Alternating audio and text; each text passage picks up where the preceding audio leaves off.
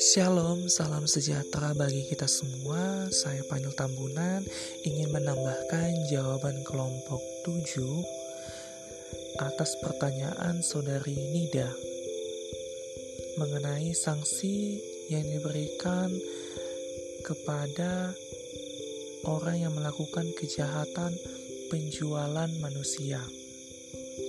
Berdasarkan sumber yang saya baca dari artikel yang ditulis oleh Erdianto Effendi berjudul Pemberantasan Perdagangan Orang dengan Sarana Hukum Pidana ada dua acuan yaitu Undang-Undang Nomor 26 Tahun 2000 dan Undang-Undang Nomor 21 Tahun 2007.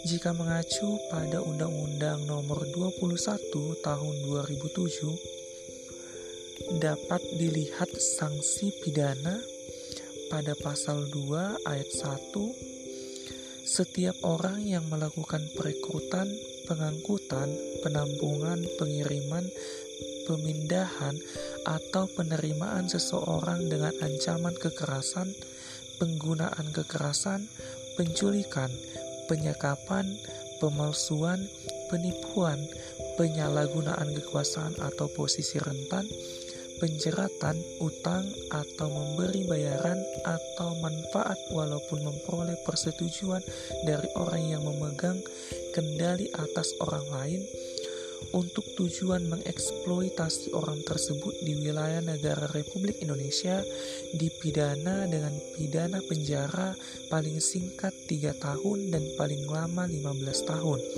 dan pidana denda paling sedikit 120 juta rupiah dan paling banyak 600 juta rupiah.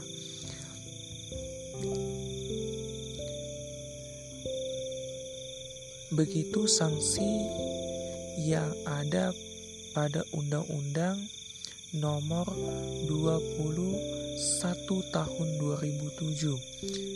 Bisa juga dilihat pada pasal 3, pasal 4, pasal 5, pasal 6, dan pasal 7. Kriminalisasi atas perbuatan perdagangan orang sudah tepat kalau dilihat dari dasar kriminalisasinya suatu perbuatan secara keilmuan. Hal itu sudah sejalan dengan politik hukum negara kita yang tercemin dalam rencana pembangunan jangka panjang nasional. Ya walaupun ada keraguan tentang keefektifan sanksi pidana dalam berbagai kejahatan yang dilakukan. Gagasan untuk memasukkan perdagangan orang sebagai pelanggaran hak asasi manusia berat sudah tepat karena untuk melindungi harkat dan martabat manusia.